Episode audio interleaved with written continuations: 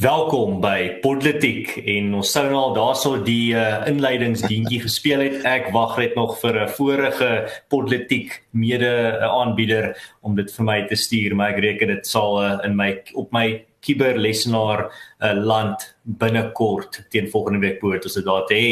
Alrite, welkom by uh, nog 'n episode. In vandag se episode openbare beskermer waai en plaasmoorde statistieke laat koppe draai. Nou kom ons uh, ontnons ons bietjie hierdie week se politiek en ons begin sommer dadelik met daai eerste storie Arno, die openbare beskermer. Ons het nou al voorheen of 'n hele paar keer oor hierdie posisie gesels op uh, politiek, hmm. maar wat sien nie stil vir jongste nuus daarso?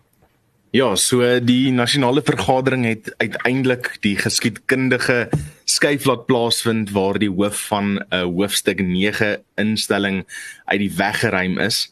Uh met dit groet ons vir advokaat Mqwebani na 'n ewige stryd van om en by 18 maande uh 'n komitee verslag van 400 bladsye was hier oorgeskep oor die 400 bladsye en uiteindelik moes die belastingbetaler om en by 30 miljoen rand opdok.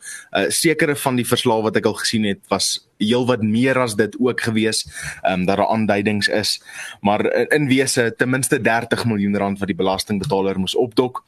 En ehm um, 30 miljoen rand klink dalk soos peanuts in die konteks van wanbesteding en korrupsie.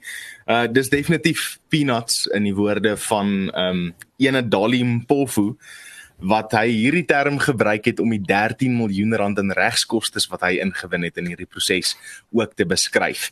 Um nou ek sal nie kla om op so 'n posisie te wees om uh, as dit na peanuts te verwys nie. Dit is wel vir my 'n interessante opmerking, maar dit tersyde te stel, uh, is daar so twee spesifieke punte wat vir my regtig uitstaan in hierdie hele proses. En eerstens is, is dit dat die proses om Mqwebani te verwyder een van die mees verenigde vertonings is wat ons LPs in 'n lang tyd opgesit het. En ehm um, bykans 30 ag, skus, bykans 80% van ons LPs het saamgeswem of saamgestem om Mqwebani te laat vaar.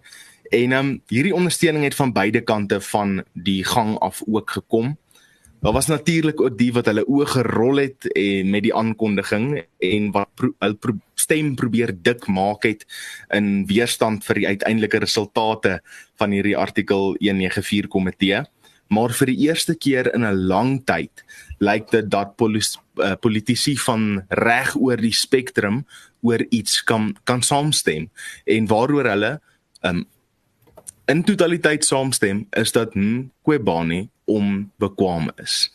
Uh dit sal uiteraard in hierdie hele prentjie my hart verskriklik bly laat maak. Uh, my hart laat huppel as ons wil. As diegene wat haar bekwaamheid bevraagteken en met sulke verskriklike taai vereistes koppel self 'n draai ook by 'n spieël gaan maak en bietjie hulle eie onvermoë gaan ondersoek want uh, die feit bly staan dat omtrent die helfte van hierdie ouens wat in Kwebani oor hulle skoot getrek het, nie eers 'n middelvlak bestuurder vir PEP sal kan wees in die privaat sektor nie.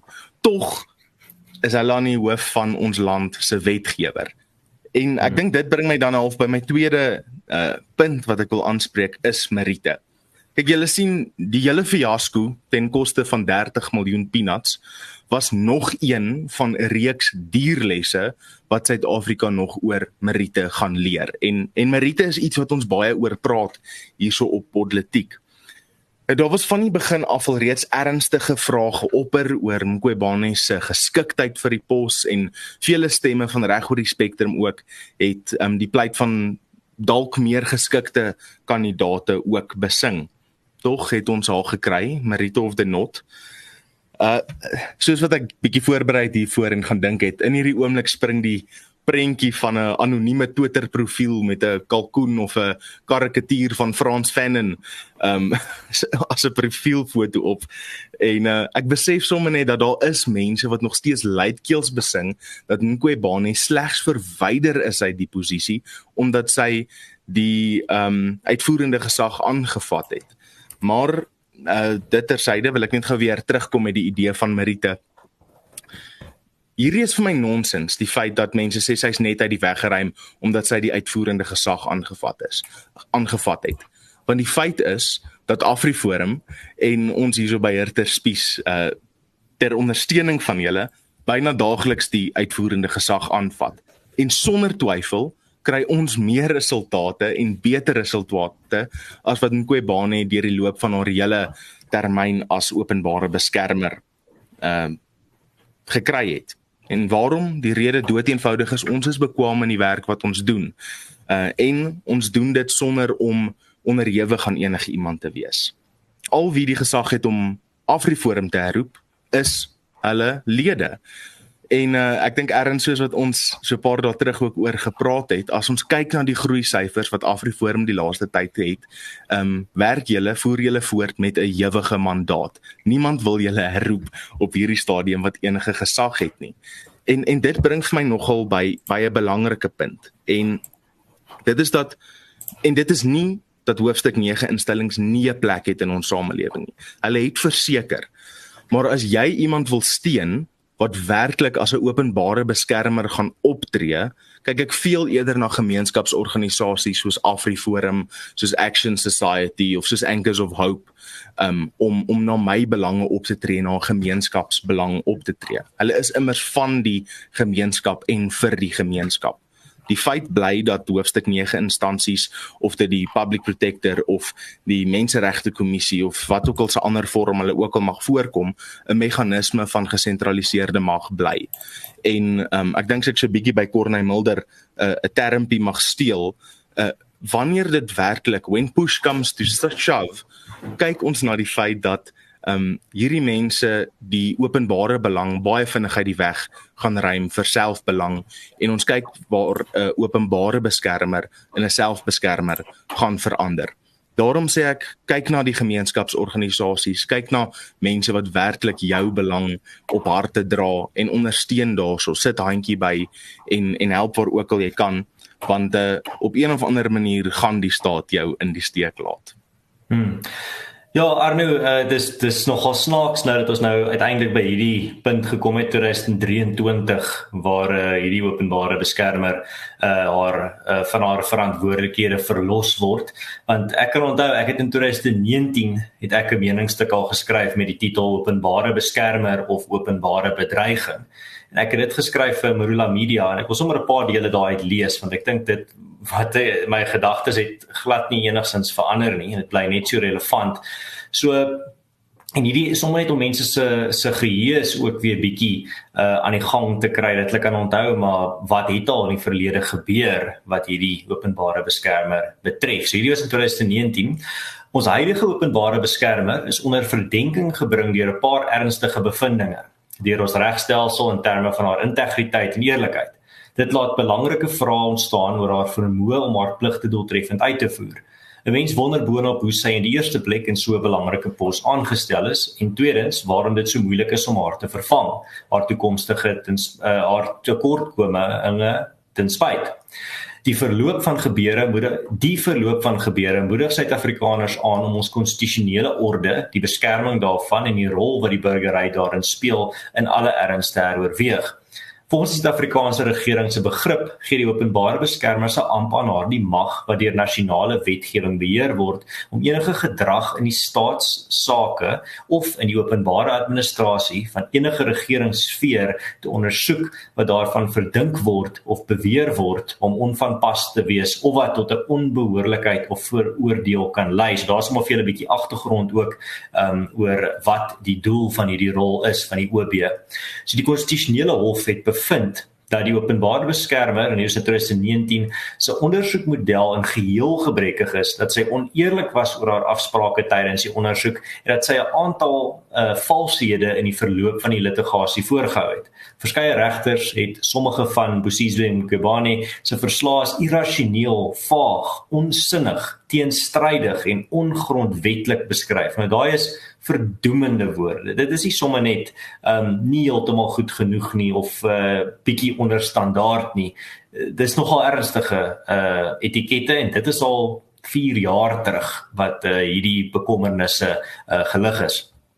Sommige regters het verdere inkriminerende bevindinge en opmerkings gelewer, soms selfs sover gegaan as om te verklaar dat sy ter kwaader trou opgetree het, oneerlik en bevooroordeeld was, verskeie onwaarhede voorgehou het, nie haar grondwetlike pligte be eh, begryp nie en onder eed gelieg het. Ek bedoel dit raak al hoe erger. En hierdie is wat dis nie sommer net Jan Rapp en sy maat op die straat wat hierdie goed sê nie. Hierdie is regters wat hierdie goed sê. Net daar weer wat reg vir my die, die in 2019 word daar gesê dat die openbare beskermer nie en dit is 'n aanhaling nie haar grondwetlike pligte begryp nie.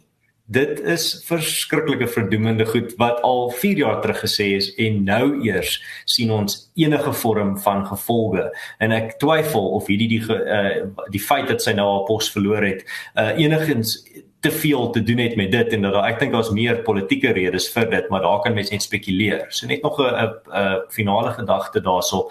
Ehm um, wanneer die oorvloed verdoemende uitsprake van sulke hoë gesag oorweeg word, uh as ook die aangewese rol van die openbare beskermer, kan mens nie anders as om te wonder of Mkhwebane se optrede nie lynreg met haar pligte bots nie die konstitusionele hof uh, se vel uitspraak skets sekerlik die prentjie dat die huidige openbare beskermer beduidende skade aan die reputasie en status van haar amp aanrig indien dit nie die einste publiek bedreig wat sy aangestel is om te dien en beskerm nie. Om eerlik te wees behoort sy 'n toonbeeld van betroubaarheid geloofwaardigheid en integriteit te wees. Dit is nou te twyfel of sy wel oor hierdie eienskappe beskik Die amp van die openbare beskermer is spesifiek geskep om as belangrike wig en teenwig teen die misbruik van regeringsmag op te tree.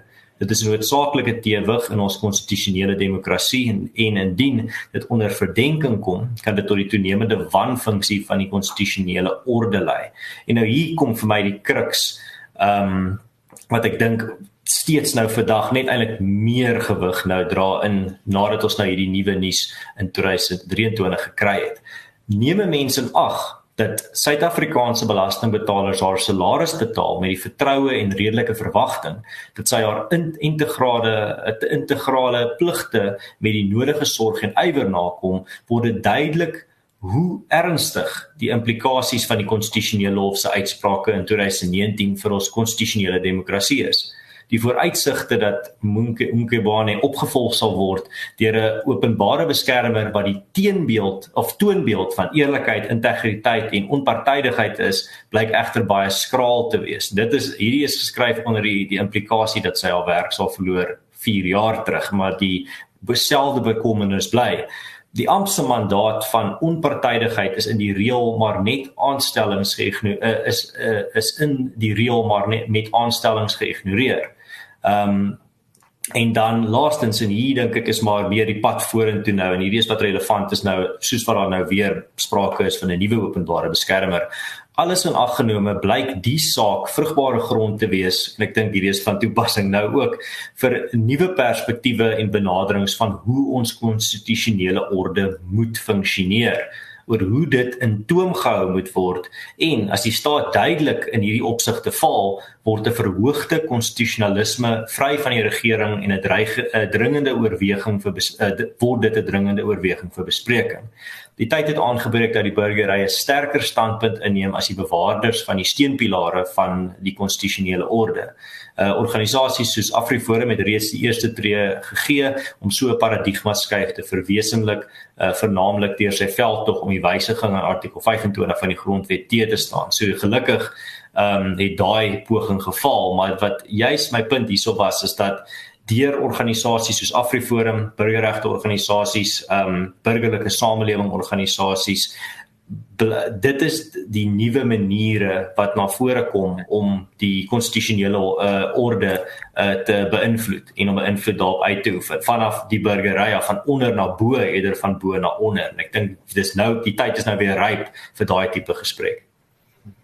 Ja nee, Ernst, ek dink presies dit wat jy nou hier aan die einde sê is is die kernboodskap wat luisteraars hier moet wegdra. Dit is dat wanneer die regering in wat ook al se vorm en wat ook al se mooi toegetrekte konstitusionalisme eh, 'n uh, funksie verrig, gaan daar so altyd 'n tekortkoming wees en dit is so belangrik vir die burgerlike samelewing om daardie ek, ek dink in die eerste plek om daardie tekortkoming op te vul maar dan ook dit verder te neem en werklik die gesag in hulle eie hande in te neem. Ons ons steun heeltemal te veel op die regering um, as 'n samelewing en ek sê hierdie uit 'n posisie uit van opmerkings wat gewone mense wie ek by die kerk raakloop of by 'n braai mee is sê hulle is almal hartverskeure oor hoe hierdie situasie uitgedraai het. En ek wil vir hulle sê nee hierdie is goeie nuus want dit verkondig die feit dat daarso uh, 'n gaping is wat ons as 'n aktiewe en betrokke burgerlike samelewing kan inneem. En ek dink hierdie is in om om die Engelse term te gebruik 'n call to action. Dis 'n oproepstem vir ons om hierdie geleentheid aan te gryp en en vir vir die vir die burgerlike samelewing om werklik die die beskerming van die openbare uh gemeenskap in in ons eie hande in te neem en en dit gaan soveel breër as net om korrupsie teen te veg of wat ook al 'n ander funksie die openbare beskermer doen. Hierdie gaan tot in jou huisgesin in. En dit maak my opgewonde te midde hierdie alles. Uh Ernst, ek dink jy het ook 'n ander storie wat jy hiersommee wil wil ingly vir ons. Ek dink ehm um, as ons ter oorskokkende goeters praat, hierso gaan definitief ook 'n paar skokkende goed openbaar word in in jou storie. So deel met ons mee. Hmm.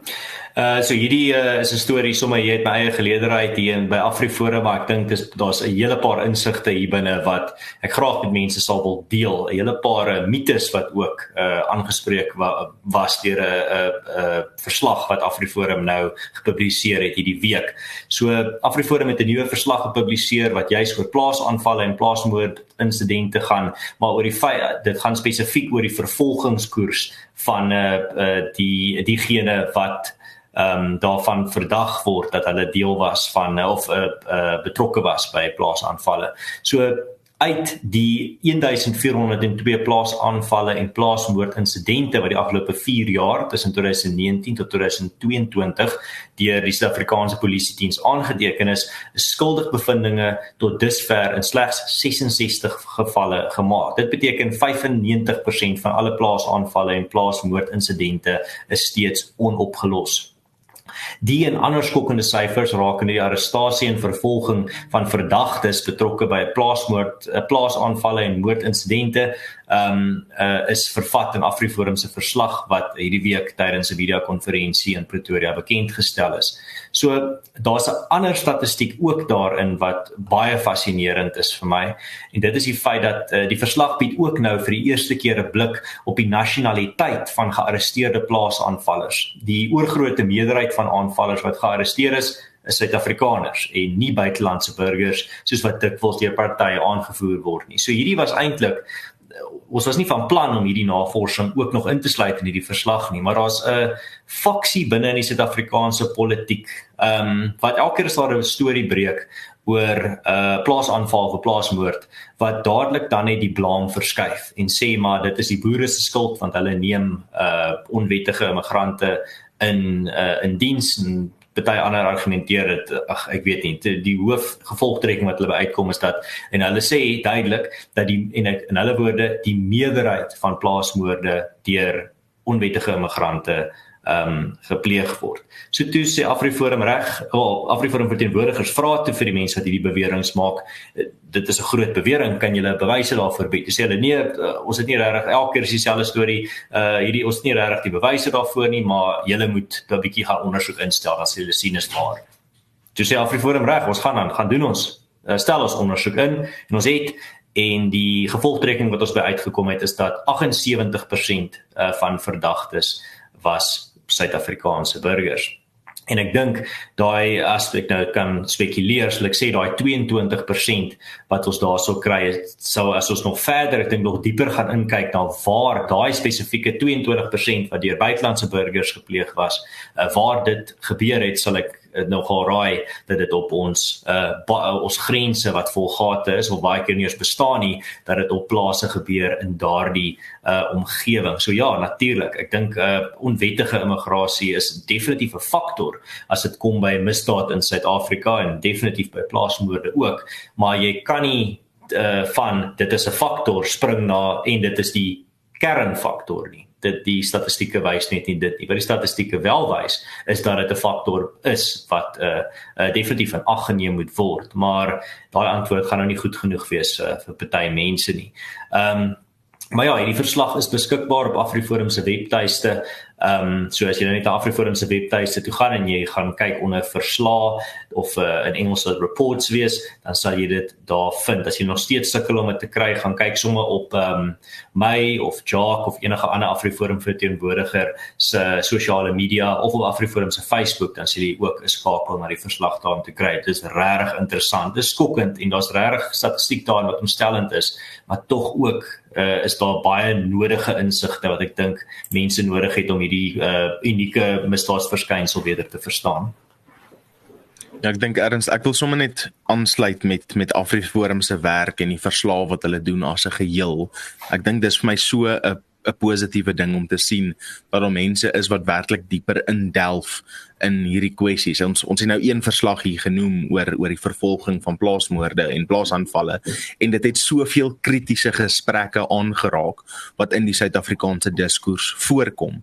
So um, ek meen daar's ons mense wat praat oor oor die kwessie op die grens. Ons praat oor onwettige immigrasie. Ons praat oor hoeveel van die bevolking van Suid-Afrika is eintlik immigrante en daar's ons niks wat duidelikheid gee aan enige van hierdie hierdie vrae nie totdat iemand die moeite gaan doen en eintlik die navorsing gaan gaan najaag. En ongelukkig sien ons baie keer dat in universiteite die die mense wat veronderstel is om navorsing te doen en veronderstel is om hierdie moeilike goed te vra en aan die ander kant die die die joernaliste wat dieselfde veronderstel is om te doen so wegskram van van hulle verantwoordelikheid om tawwe gesprekke te voer en en eerder net die die hoofstroom narratief deurvoer. En ek dink dit is waar Afriforum se rol weer eens die gaping van uh, die die hoofstroom media opvul en ehm um, is is om hierdie moeilike gesprekke te voer en om bloot te lê die tekortkominge wat in die algemeen in navorsing voorkom. Ehm um, so dit maak my so opgewonde elke keer as daar 'n nuwe verslag uitkom. Ons kan sien uh die die die feite en die statistieke oor goeters wat wat baie mense heeltemal te skrikkerig is om eers aan te vat. Maar ek raai regtig almal aan gaan gaan loer na daardie daardie verslag. Dit dit lê regtig 'n paar moeilike goeters bloot, maar dit is nodig vir ons om bewus te wees hiervan en sodoende aktief te kan deelneem aan die publieke diskurs. Ja. En uh, die die belangrike ding hierso Arno is dat in die uh, die inligtingsera is dit so belangrik om twee goed te doen. Eerstens om goeie kwaliteit inligting daar buite te sit, soos byvoorbeeld in die vorm van goed nagevorsde ehm um, verslae, maar dan ook om dit gereeld te doen. So jy kan dit nie een keer elke 10 jaar doen nie, jy moet gereeld goeie kwaliteit inligting daar buite sit. En hierdie verslag is nou maar net een van daai uh pogings om dit reg te kry sodat mense die kwessies rondom hulle kan verstaan. Ons leef in 'n land waar uh misinformasie en wanpersepsies en 'n uh, uh, klomp propaganda eintlik om dit reguit te, te noem op sy naam. Um baie keer mense heeltemal 'n wanpersepsie gee van wat rondom hulle aangaan en uh sekere kwessies net absoluut verkeerd verstaan, geen idee wat daar aangaan nie. Plaasmoorde is ongelukkig een van daai kwessies waar men daar soveel propaganda en slegte, lae kwaliteit inligting daar buite, selfs oneerlike inligting daar buite, leuns ehm um, dat daar vele mense is wat in mites glo, soos die mite dat die meerderheid van plaasmoorde deur buitelanders uh uh gedoen word of dat uh plaasmoorde is nie 'n unieke uh, misdaadsverskynsel nie, dat daar niks is wat dit uniek maak nie of dat ehm um, daar geen korrelasie is tussen dreensange soos Kill the Boer, Kill the Farmer en plaasmoorde nie. Baie van hierdie leuns en propaganda is daar buite, maar dit is dan juis ons verantwoordelikheid om goeie kwaliteit inligting daar buite te sit om teen hierdie mites en hierdie tipe uh, wanpersepsies te kan veg. En uh, ja, ek dink net 'n laaste gedagte daar as dit kom by ehm um, wat elke persoon kan doen. Ek dink ook dis tog belangrik om juis met 'n lig van hierdie inligting waar dit wys die polisie is of heeltemal oorweldig of het nie 'n wil om te te te help in baie van hierdie gevalle nie, is dit juis nog meer belangrik vir gemeenskappe en en uh, boere veral om in te skakel by 'n sekuriteitsnetwerk of sekuriteitsstrukture soos 'n plaaspatrollie of 'n buurtwag sodat jou gemeenskap jou sekuriteit in jou eie hande in kan neem. En as jy uh, Afriforum bied daardie geleenthede so jy kan byvoorbeeld gaan na Afriforum se buurtwagte blad dink jy hoef net in te tik by Google Afriforum buurtwagte en dan kan jy sien waar die naaste een aan jou is en jy kan daar gaan aansluit. Ek sal mense sterk aanraai om dit te doen. Nou soos uh um Kebane se tyd in haar posisie of in haar amp is hierdie episode vereers verby. Ek hoop julle het dit geniet. Uh, volgende week sal Sharnay en Louis weer by ons aansluit hopelik. Hulle is vandag uh, uh saam met my kollega Jacques Broodryk uh by 'n uh, ander veld tog. So hulle is besig om hard te werk daar. Dis kom hulle nou nie vandag by ons kon aansluit nie, maar volgende week hopelik is die span weer bymekaar. En uh deel asseblief hierdie episode met vriende en familie. Los 'n kommentaar in die kommentaar afdeling. Uh los 'n like uh teken in om uh, op hoogte te bly wanneer ons weer regstreeks gaan. Dis elke Woensdag 4uur. Onthou dit, dis 'n nuwe tyd elke Woensdag 4uur op hierdie YouTube kanaal soos regstreeks. En uh ja, ek hoop julle het vandag se episode geniet en insiggewend gevind en dan sien ons julle weer volgende week selfde plek, selfde tyd. Totsiens, mooi loop.